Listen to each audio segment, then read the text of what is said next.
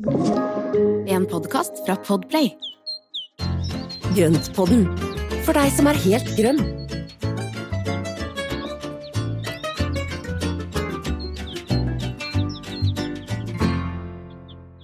Hei, og velkommen til Grønnpodden, alle sammen. Hallo, Espen. Velkommen til deg òg. Hei, Marianne. hyggelig å se deg igjen. Du, takk i like måte. Jeg kan ikke akkurat si at det var lenge siden sist, men det er veldig hyggelig å se deg hver gang vi snakkes, altså. Vi skravler jo egentlig stort sett hele tiden, føler jeg.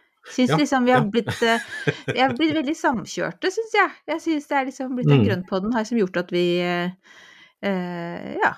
Det er kommunikasjon litt sånn både her og der. Vi prøver jo å holde det i, i trekk i trådene, og vi drømmer jo litt sånn fremover sammen og ja. Mm. Gøy å holde på med. Mm.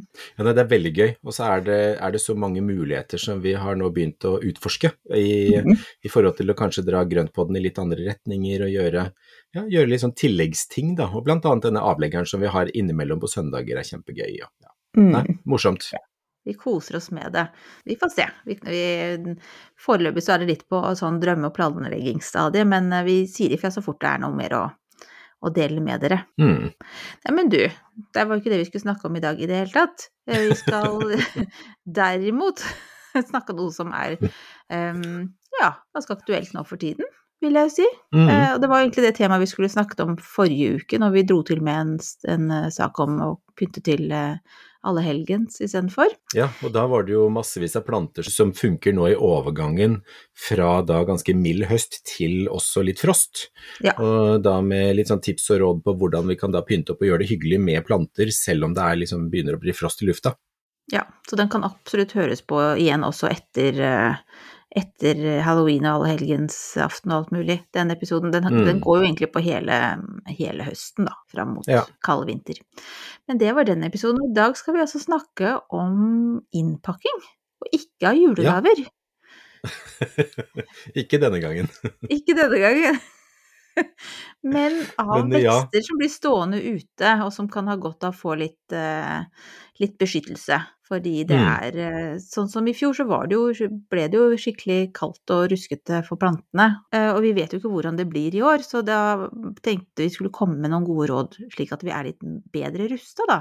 Så det var jo, var jo en Mm. trist opplevelse å se også kjent, altså gamle, kjære vekster som hadde enten daua helt, eller som var veldig redusert av, av kulda. Mm. Det er jo kanskje det- jeg som skal komme med disse rådene, men jeg har derimot fryktelig mange spørsmål til vår ekspert. Og det er jo akkurat det der med den der vinteren som kom i fjor, hvor vi da fikk så mye barfrost. Mm. Og barfrosten er jo en av de verste fiendene til både, både stauder og planter for øvrig, som da, og også løkplantene som ble planta i fjor. Jeg tror jeg mista to tredjedeler av alle løkplantene jeg satte ned i fjor. Døde jo i løpet av vinteren og kom ikke opp til våren. Mm. Så for at dette var en lang, mild vinter, og så hadde jo en del begynt å komme i gang med veksten. Og så kom den barfrosten som varte i ukevis, og bare svidde av alt, altså. Og selv Mm. da gamle planter, som du sier, som da har vært i mange år, de, de, de sleit med å komme seg opp, og noen har jo ikke kommet opp i det hele tatt. Nei. Nei, det har jo vært en del utbytting i løpet av eh, sommeren. Mm.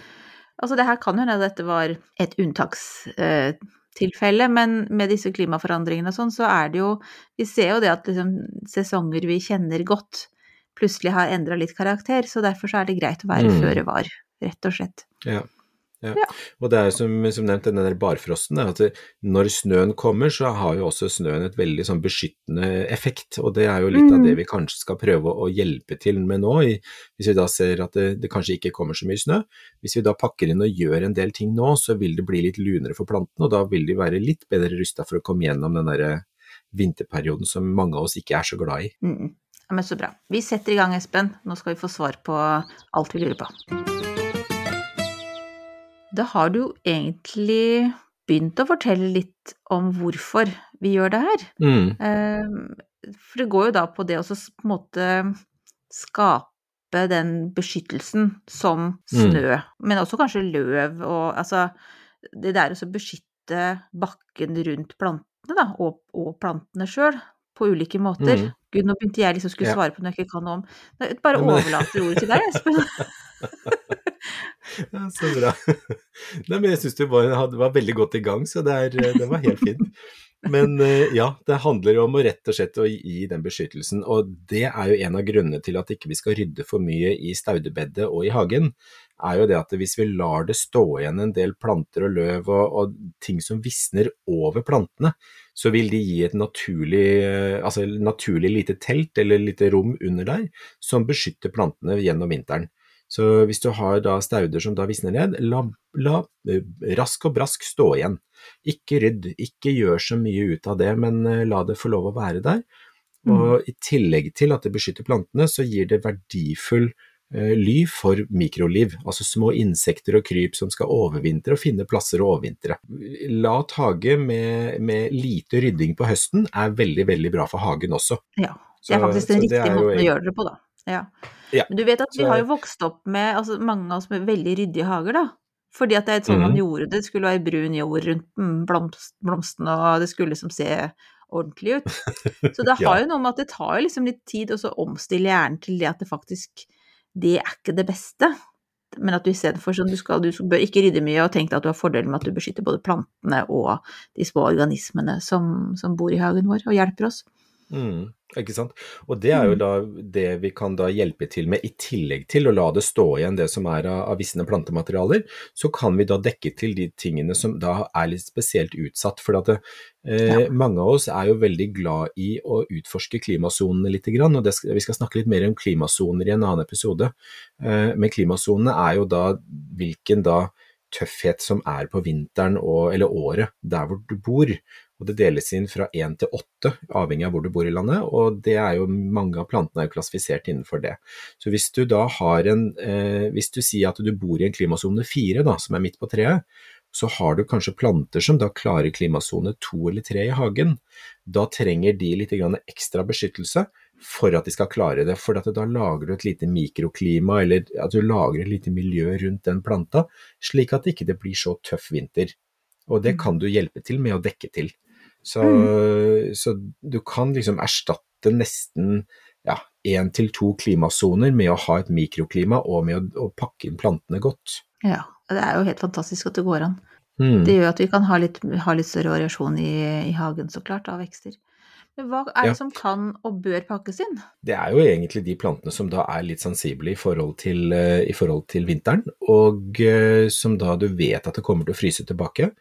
Eh, og så er det jo også en del av de tingene som, som da begynner å skyte tidlig på våren. Eh, og det er jo en av de tingene som også vi må tenke på. det er at Innpakningen går jo til på å beskytte gjennom vinteren, men den går jo like mye på å beskytte mot vårsola. For det, når mm. bakken er frossen, dette har vi jo snakket om litt før i en tidligere episode, hvor, hvor vi snakker om dette med å beskytte plantene mot vårsola. fordi når bakken er frossen og plantene får vårsol og varme, så begynner de å skyte og så er vannet frossent i bakken, så de klarer ikke å trekke opp fuktighet.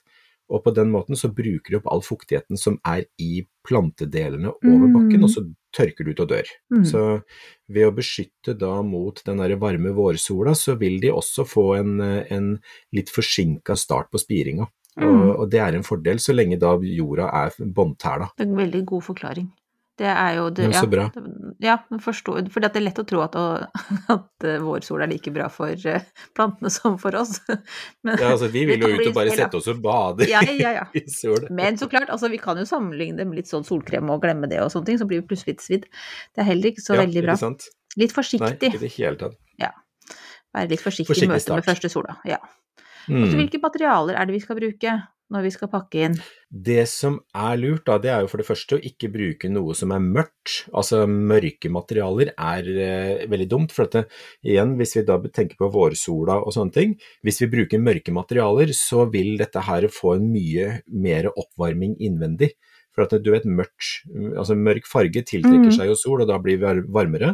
På samme måte vil det skje også inni dette teltet du pakker inn planta med. Hvis den er mørk, så vil jo det koke inni der før, før bakken er, er tint opp, og da skjer det litt for mye inni der som ikke skal skje. Nei, så da blir det enda verre, da. Materiale, ja, da blir det enda verre. Ja. Så det å bruke lyse materialer, og, og da f.eks. lys strie, eller noe annet som også puster.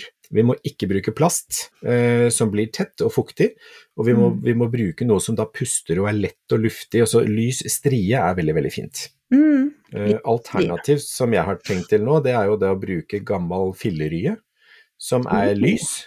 Som Ja. egentlig ikke er noe fin lenger, og den er slitt, og den er stygg, og den er ødelagt. Og den skal jeg da dekke til nå en uh, nyplanta wisteria, som, uh, som henger nå på, på Eller som er satt på veggen. Uh, så da tenkte jeg da skrur jeg opp på begge sider, så at Mm. den rya skal få lov å henge over planta, slik at den da dekker til og gjør det, gjør det lunt og fint for den planta. Kan man også da bruke alt sitt gammelt eh, sengetøy? Altså hva kan man bruke Ja. eh, ja. Du kan Så egentlig lenge bruke det hva du er vil. litt sånn at det er, at det er litt pustende materiale. Ja, naturmaterialer som puster. Altså bomull og, Mhm. bomull og ull og alle de tingene som puster og er som er lett og luftig. Så heng, heng ut gamle klær og alt mulig artig. Heng de i hagen. Det blir virkelig Nei, ja, ikke det er- pen hage. Ja. Nei, det er innenfor rimelighetens grenser, da, men ja, det er jo så klart det det. Men jeg tenker hvis det. man har Mm. Ja, hvis man ikke Men det er altså Hvis man vil gjenbruke og er opptatt av Mhm. den biten, og så er jo det da altså et, eh, en, en mulighet. Eh, Er det ja, noe som å bruke det man har. Ikke sant, bruke det man har. Kan man si noe, eller kan man, kan du Espen si noe om hvor tett på altså, For jeg ser jo for meg denne fillerya tar knekken, at liksom alt bare ramler ned. Altså hvis jeg skulle kveila en fillerye rundt en plante. Men det er jo ikke det du gjør, for nå Mm. sa du at du fester det sånn at det, den, det, det beskytter, men det er ikke sånn at den henger oppå på planta. Nei, nei, og den her så vil den jo bare henge på veggen, for at blåreinen den er jo klatra inntil veggen.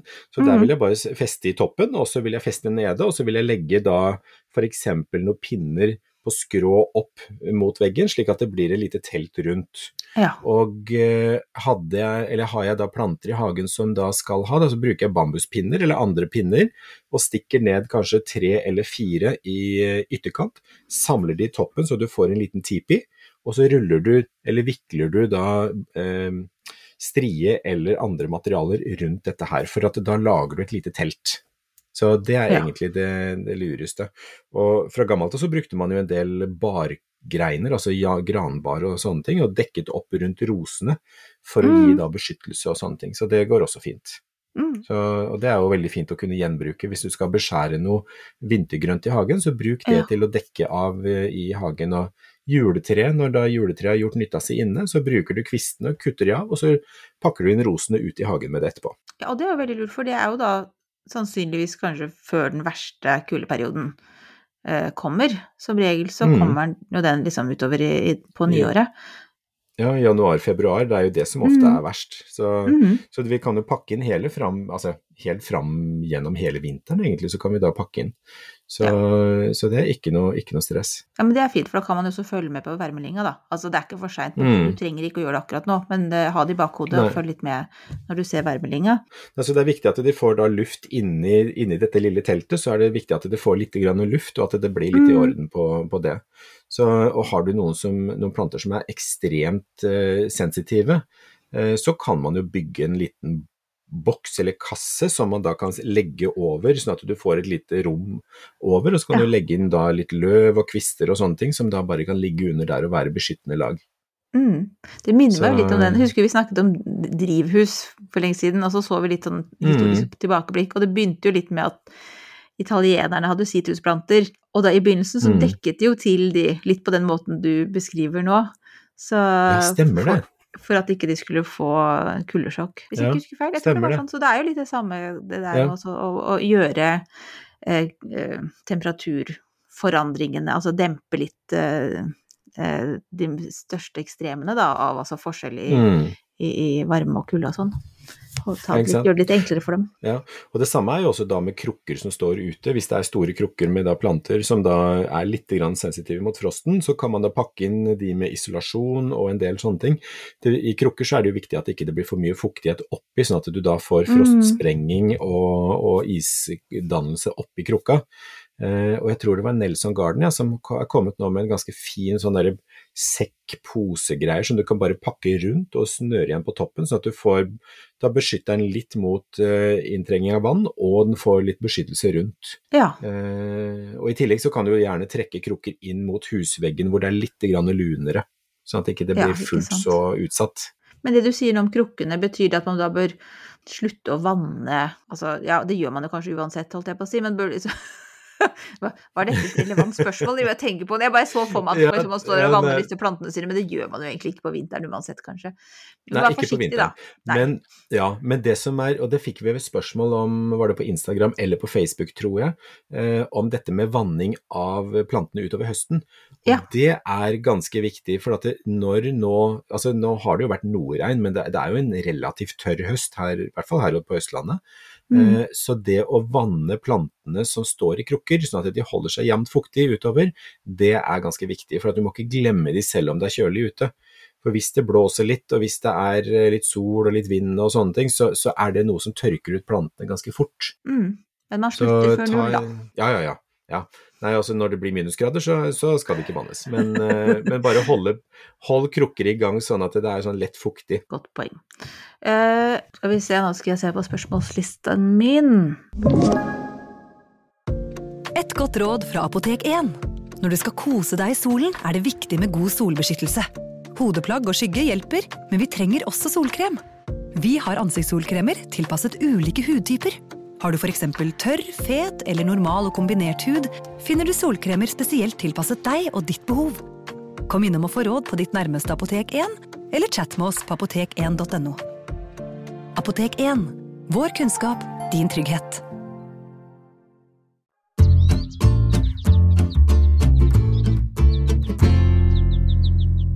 Da er vi vel egentlig ganske godt informert om hvordan vi skal pakke og ikke pakke.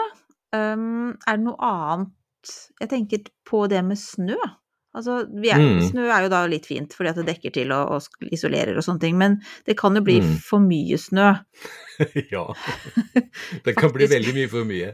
Og det, det er jo liksom Noen ganger på senvinteren spesielt, så kommer det jo deisende ned. Jeg var hjemme i Kragerø en gang til påske, og jeg kom ned i midten av påskeuka.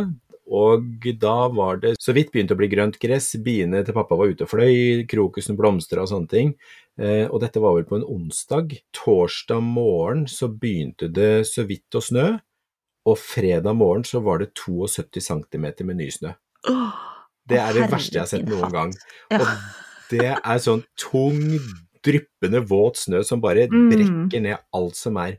Og bjørketrær henger, ikke sant, de bare henger i buer. Ja. nei, alt er det. Jeg Så ser det for meg. vi kan, ja, ikke sant, og vi, vi, og vi kan jo da, og den forsvinner jo fort igjen, men tyngden av den snøen gjennom vinteren, det kan være, det kan være ganske brutalt mot planter. Så det at du da kommer mild snø, så fryser det på, så kommer det mer snø, og så fryser det på, og dermed så har du da iskaker som sitter på plantene, som da bare Mm. knekker ned, eh, knekker ned greiner og bryter ting fra hverandre. Så jo, snø må vi passe oss for. Men hva gjør vi da? For å, kan vi, eller kan vi gjøre noe for å, å, å på en måte verne plantene mot det? Ja, det er egentlig flere ting. Eh, Det ene er jo at når det har vært, altså, når det har vært ordentlig snøvær, så, så pass på å gå ut og riste av. Altså rist litt, dunk litt på trær og busker og sånn, og gjør det gjerne fortløpende hver gang det har snødd mye. Så ta en liten runde i hagen, og så bare riste av og se at det ikke, ikke legger seg for mye. Og har du drivhus, så husk også å dytte av eh, taket. Mm. Det er mange av drivhusene og profilene som knekker hvis de får for, eh, for mye snø på seg. Så, og da dette her med, med forandring i temperatur gjør at det gjerne fryser på, og så sitter snøen fast. Så, så vær litt obs på det. Men det vi kan gjøre nå, det er jo da på høsten f.eks. syrinhortensia og andre planter med store blomsterhoder. At vi da tar og, og klipper av blomsterhodene nå. Og ting som vi ser at det vil fange mye snø, det, det kan vi klippe bort nå. Så, Det var lurt. Vi, ja, så hvis vi klipper det nå, så vil det være mye mindre altså Da er det bare tynne kvister, og de fanger jo ikke snøen på samme måte som eh, tunge blomsterhoder. Er det da først og fremst Altså, kan man skille på litt tynne, myke kvister og harde, mer sånn Altså greiner, da? Er greiner mindre eh, sårbare, eller bør man også gjøre noe for å beskytte dem? Sånn som jeg tenker på, jeg har jo det, det pæretreet mitt som er så gammelt, og det er jo Mm. grein der som stikker voldsomt langt ut, og jeg bare tenker på, blir jeg støtt den opp, eller hva skal jeg gjøre? Eller er det noe fare? Her er det jo ikke så mye snø, kanskje, men det kan komme. Nei, det kan jo komme. Og, og det kan jo være en støtte, og da kan man jo eventuelt sette under en, en, en ja, Si at man setter inn en sånn to tom fire, så sånn der eh, treboks, eller sånn tre, tre eller plankebit. Altså man da bikker den under, og så kan man sette den ned i bakken og så, og så gi den støtte på den måten, men som regel så vil tjukkere greiner og sånn tåle dette her mye bedre, for at det er liten i forhold til styrken de har, så er det ofte lite, lite um, areal som snøen blir fanget på, uh, og da blir ikke vekten så stor. Så det er verre med f.eks. et tungt blomsterhode på en tynn kvist, for da vil da veldig mye vekt havne på blomsten, og så vil da det knekke, knekke kvisten. Så, men det man kan også gjøre, det er jo da å binde opp f.eks. hvis hvis du har en busk da, som da, ja, hva skal man si, en eller annen eh, en myk, myk, busk som da kan finne på å fange en del, eh, del snø, så ta bare så stram med litt hyssing rundt, at man da bare strammer opp og binder litt, for da hjelper du til å holde det i opprett. Så, så bind gjerne grenene litt oppover, og så strammer du rundt med en hyssing. Og du bør ikke dra den helt inn, men bare at den får noe støtte. Ja, for å holde den litt mer sammen. Mm. Da kan man bruke noe jutesnøre eller et eller annet sånt som er naturlig, som da er lett å klippe av, så kan du putte det i komposten etterpå. Mm. Smart. No, hvor lenge skal man holde på med det her, da? Altså, når er det det er trygt å, å pakke det ut altså, Sånn som du sier, altså, det var sol i påska en dagen og vårstemning, og så mm. dagen etter blir det skikkelig ruskevær. Det hører jo til sjeldenhetene, da, men, men, men eh, jeg, vil, jeg, pleier å plukke det løs til påske, for da er det som regel helt fint. og det er, eh, da er det, ja, Du ser at det begynner å bli vår, og jorda begynner å varmes opp og sånne ting, og da, da pleier jeg også å ta og løsne opp ting også. Så eh, det å da bare se an langtidsvarselet litt, grann, så, så, kan man jo se litt hvordan det ser ut i, i, området du bor. Men normalt så er det sånn, sånn ved påsketider pleier det å gå helt fint. Så men jeg tenkte på én ting til, og det er jo de vintergrønne tingene. F.eks. da eh, tuja og mm. sånne ting. De kan jo få, ofte få en sånn effekt at det spjærer ut. Eh, på grunn av snøen? Ja. Ja. For at de da har gjerne, hvis du har to-tre eh, skudd som går parallelt inni, og som da danner en topp, så kan det jo skje at du da får mye snø, og så begynner de å legge seg ut til siden. Og hvis de gjør det, så er det ikke alltid at de retter seg opp igjen når våren kommer og snøen blir borte. Så det er lurt å ta, liksom, å ta stramme toppene med igjen dette med jutebånd, at man da bare strammer opp litt i toppen. Ja, det var et godt tips. Så hvis ikke så ødelegger man formen på dem rett og slett. Og, det, mm. og da blir det Det kan man jo se langs med veier og sånn, en, en, del steder hvor det er ung bjørk som da henger i buer på, langs med veien, er jo da vært Stort sett så er det fordi at de har blitt hengt ned av snø, og så ja. kommer de seg ikke opp igjen, så blir de hengende sånn. Så det, ja. det er liksom Da får vi hengebjørk. Stående i den Ja, det er typisk hengebjørk. Så da blir de stående i den fasongen de ble. jeg tenkte på en ting med det utpakking, for du har jo nå lært mm. meg om herding, eller oss har du lært om herding. Mm. Mm. Er det mm. noe sånn som når man da tar bort, uh, om det nå er fillerya eller uh, sengeteppe eller noe sånn annet mer fancy, uh, skal man gjøre det gradvis, vil, eller er det sånn at så lenge jorda er blitt varm igjen, og det er en fuktighet som plantene kan ta næring fra, mm er det da trygt å bare slenge det vekk og bare la solstrålene få lov til å gjøre det den vil? Mm, det er det. Og det som er at når da plantene står med knopper, så er de ikke så sårbare mot sola. Og på den måten så vil du da, når du tar bort da dekket, så vil knoppene få sol, og så vil de begynne å utvikle seg. Så, men hvis de har begynt å utvikle seg til sånne litt lyse, lette skudd under dekket, Mm. Da vil jeg ha gitt dem en liten fiberduk i en periode til de har blitt vant med sola. Ja. Ville, men det er kun hvis de har utvikla litt skudd under, under den tildekkinga som de har hatt gjennom vinteren. Ok, da må man rett og slett bare se den. Mm. Mm. Vi kan komme tilbake til det til våren, så tar vi, det, tar vi en ny runde på det da. Mm. Ja, det er notert. Veldig bra. Supert. Er det noe mer vi skal bør si? Eh, jeg føler meg veldig informert. ja, men Så bra. Kjempefint.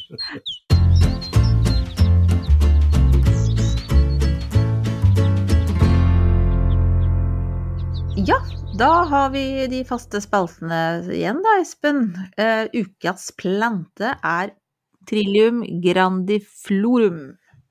Ja, og det er en plante som jeg er glad i. Den også, mm. Ermin. Det er jo, det er jo igjen.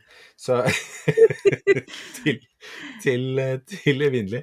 Nå er vi jo på uke Eller hvilken episode har vi nå? Vi episode 45? Eller ja. 46? Nei, det er 45. Jo, 46 er det! Ha. Nei, vi er på Yes. 46, og uh, vi har hatt 46 episoder, og jeg er like glad for ukas plante hver uke. Ja. Så det er gøy. Det er, Ja. det er veldig bra. Men dette her er jo da en, en plante som jeg har blitt egentlig litt mer kjent med de siste åra. Og det er jo en del der ute som er veldig glad i trillium, som er en stor familie med det man kaller for woodland-planter. Altså de plantene som lever da i lett underskog, hvor det da er litt sånn muldrikt, lett halvskygge og sånn, litt sånn jevn fuktighet. Eh, og det finnes jo masse forskjellige varianter av den. Et av mine favorittgartnerier noensinne, det er da Hesleberg gartneri ute på Vollen i Asker. Eh, og de besøker jeg jevnt og trutt når jeg kan, og spesielt når jeg da ser at de legger ut sånne vakre små juveler som de gjorde nylig. Og det var da den Trillium grandiflorum snowbunting. Og det er en sånn plante som er ca. 30 cm høy, og så har den store, hvite, fylte blomster som kommer på, på sen vår, tidlig forsommer. Og den er altså så nydelig. Eh, og så står bladene sånn tre i, i, på hver stilk utover sommeren, og er liksom morsomme og dekorative, så det blir som et stort trekløver. Mm. Og dette danner jo da store, fine tuer etter hvert. og jeg har jo en, en tilsvarende trillium fra en gammel dame som jeg ble kjent med for noen år siden, som jeg fikk en stikling av. Og det er en som heter albidum, som er store, hvite blomster som er enkle, men Mm. De har altså en fantastisk duft av gardenia, sjasmin, blanding av det som bare Altså, den lukter så godt at den er helt sjuk. nydelig ut. Ja. Så jeg bare går rundt og snuser på den. Den blomstrer fra sånn midten til slutten av mai og ut i, i midten av juni, tenker jeg. Mm. Hvor er det du Sånn planter veldig- dem, da? Står de i Nei, det- hva, de altså, hvor som som i- helst i hagen, eller? Ja, altså jeg, men de liker halvskygge, så de bør stå egentlig i et sted med, med litt sånn uh, filtrert lys. Så jeg har jo da et sted hvor den da får sol deler av dagen, den får morgensol og kveldssol, og så er det da litt skjerma da på midt på dagen hvor det er steikende sol. Og så liker de en jevn fuktighet. Godt veldrenert jord med jevn fuktighet. Så jeg har blanda inn masse kompostmateriale, sånn oppkverna materiale fra kompostkverna, blanda inn i jorda, for at du da skal både få det der litt løse, lette, porøse jorda, eh, også at jeg da sørger for å vanne da jevnlig. Så Den kjøpte du ganske nylig nå, og har planta nå. Ja, forrige riktig? uke.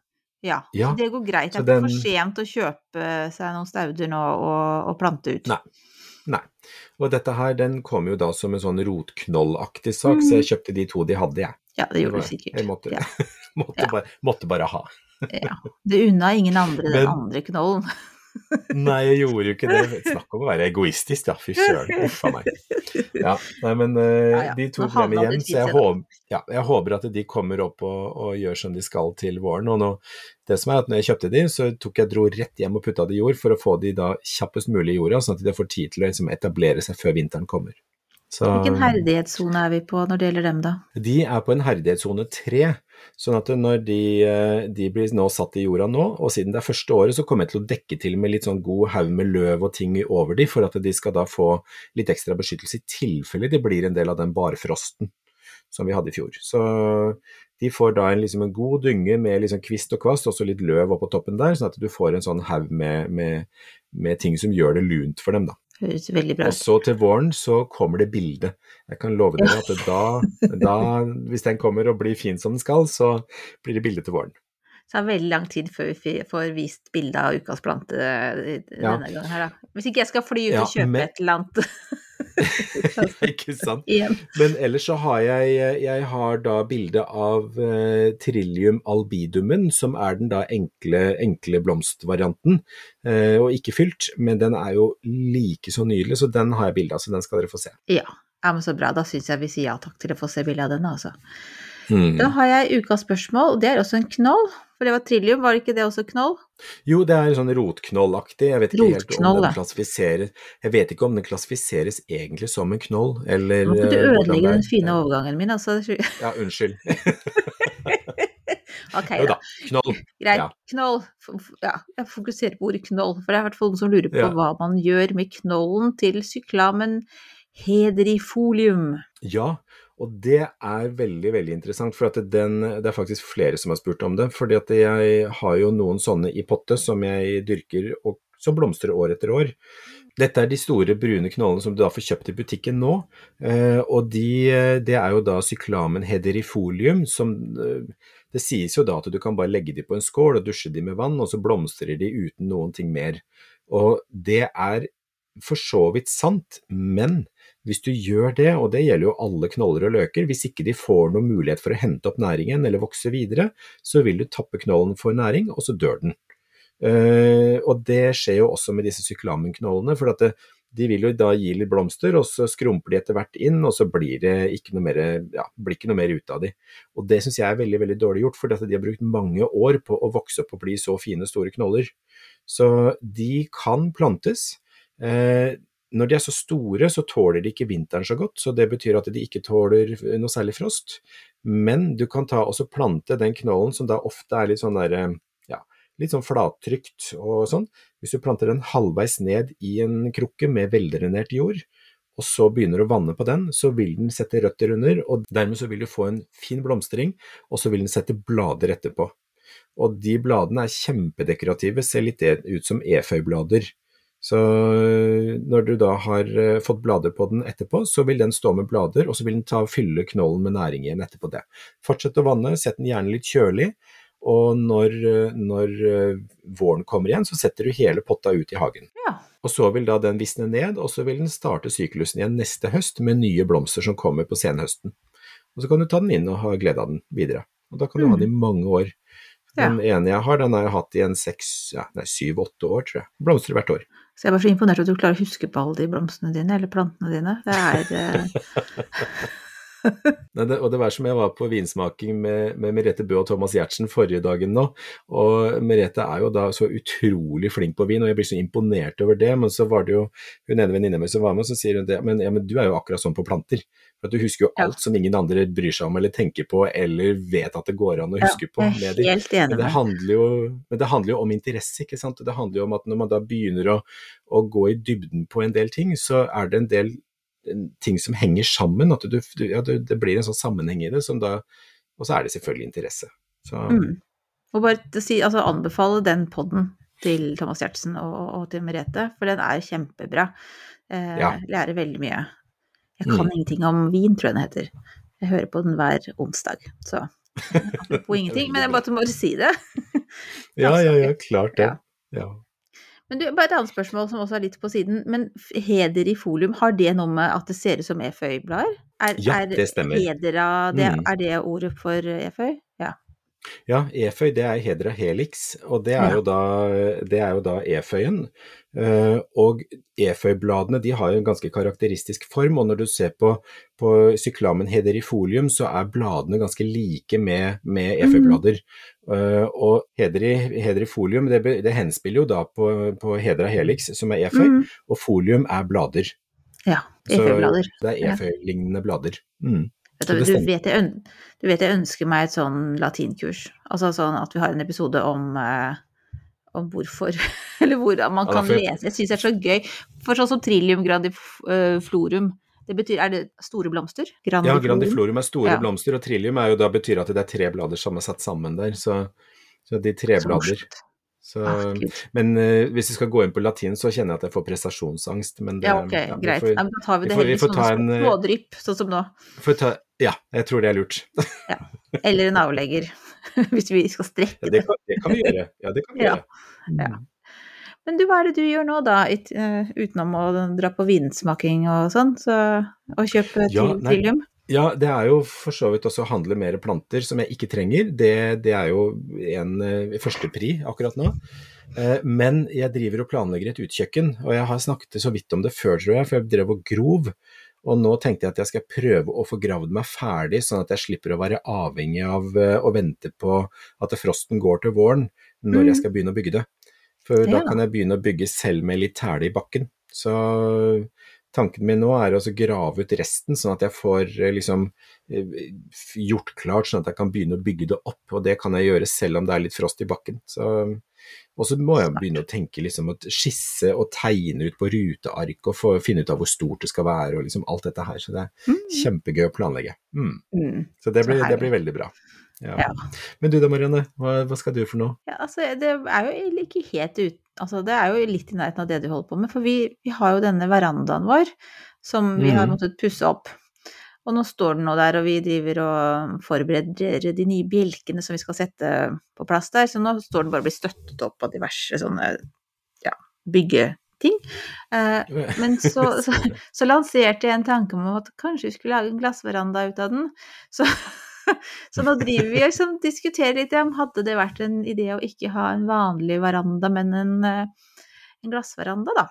Så gjorde Ja, vi plutselig det litt mer komplisert for oss sjøl, men vi får se. Vi er på, på diskusjonsstadiet, men jeg henter jo inn masse inspirasjon på Pinterest og sånne ting, og syns jo åh, det hadde Mm. vært litt herlig. Ja, men en glassveranda er jo dødskult, og det som er at du forlenger jo utes eller hagesesongen og utesesongen så mye. Ja, nettopp det. Jeg tenkte at det kunne vært fint å ha et sted å både sitte sånn, ja nå på denne årstiden da, når det er litt kjølig å være ute, men det er deilig med sola, og også mm. Ha et sted å sette planter til litt sånn vinteroppbevaring kanskje, altså ja, Mm. det er mange Og det å- bruksområder. Ja, og det å dyrke frøplanter på, på våren, Mm, altså det å det få da et sted som du kan ha plantene ute på våren hvor det ikke er så varmt, men da de får Mm. mye lys, herre min, det er jo Mm. gull. Ja, så vi får se. Jeg lover ingenting. Jeg sier det her til meg selv nå, for jeg hadde, vet jeg blir veldig skuffa hvis det ikke blir noe av. Men vi får, vi får se hva vi, vi finner ut etter eh, nøye studier. Men vi har litt lyst på det Ja. to, så vi får se. Men det er lov å drømme, og det skal man Ja. alltid gjøre. Så man må drømme, og så får man heller komprimere drømmene etter hvert som man ser på realitetene. Mm, takk. Det var støttende ord, Espen.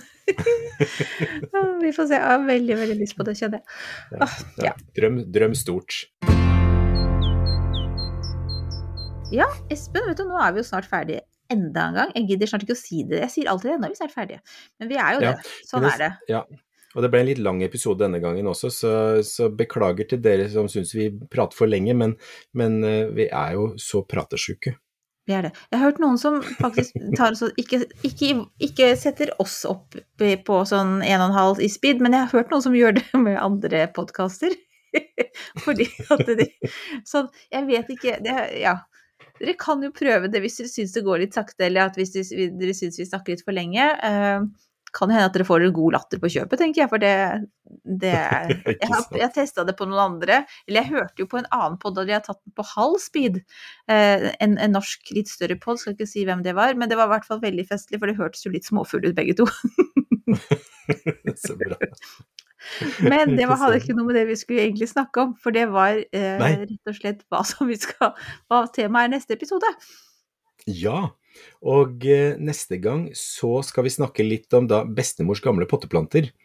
Og eh, hva er det som da var i bestemors vinduskarm, og hva, altså, hva, hvilke Litt grann forskjellige planter, og eh, Mm. litt hva som Altså hva som kjennetegner dem, og hvordan Altså ikke minst også hva slags stell de har, har fått og trenger og skal ha.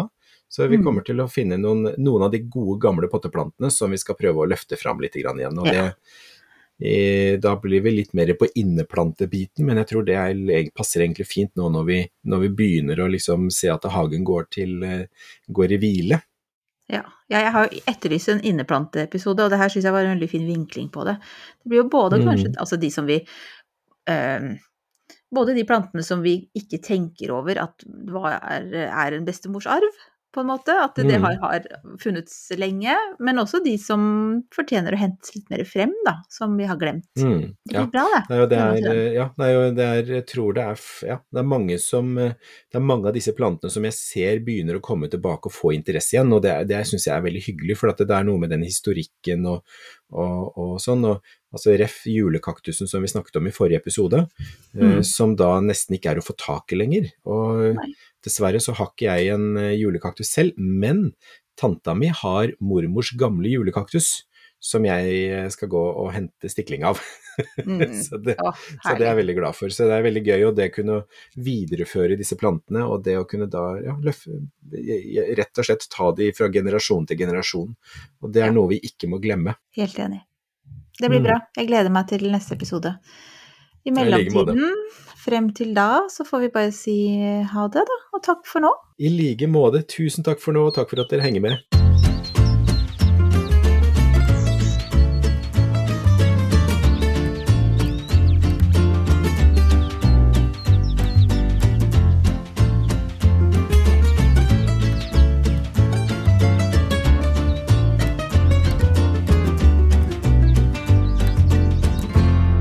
Du har hørt en podkast fra Podplay.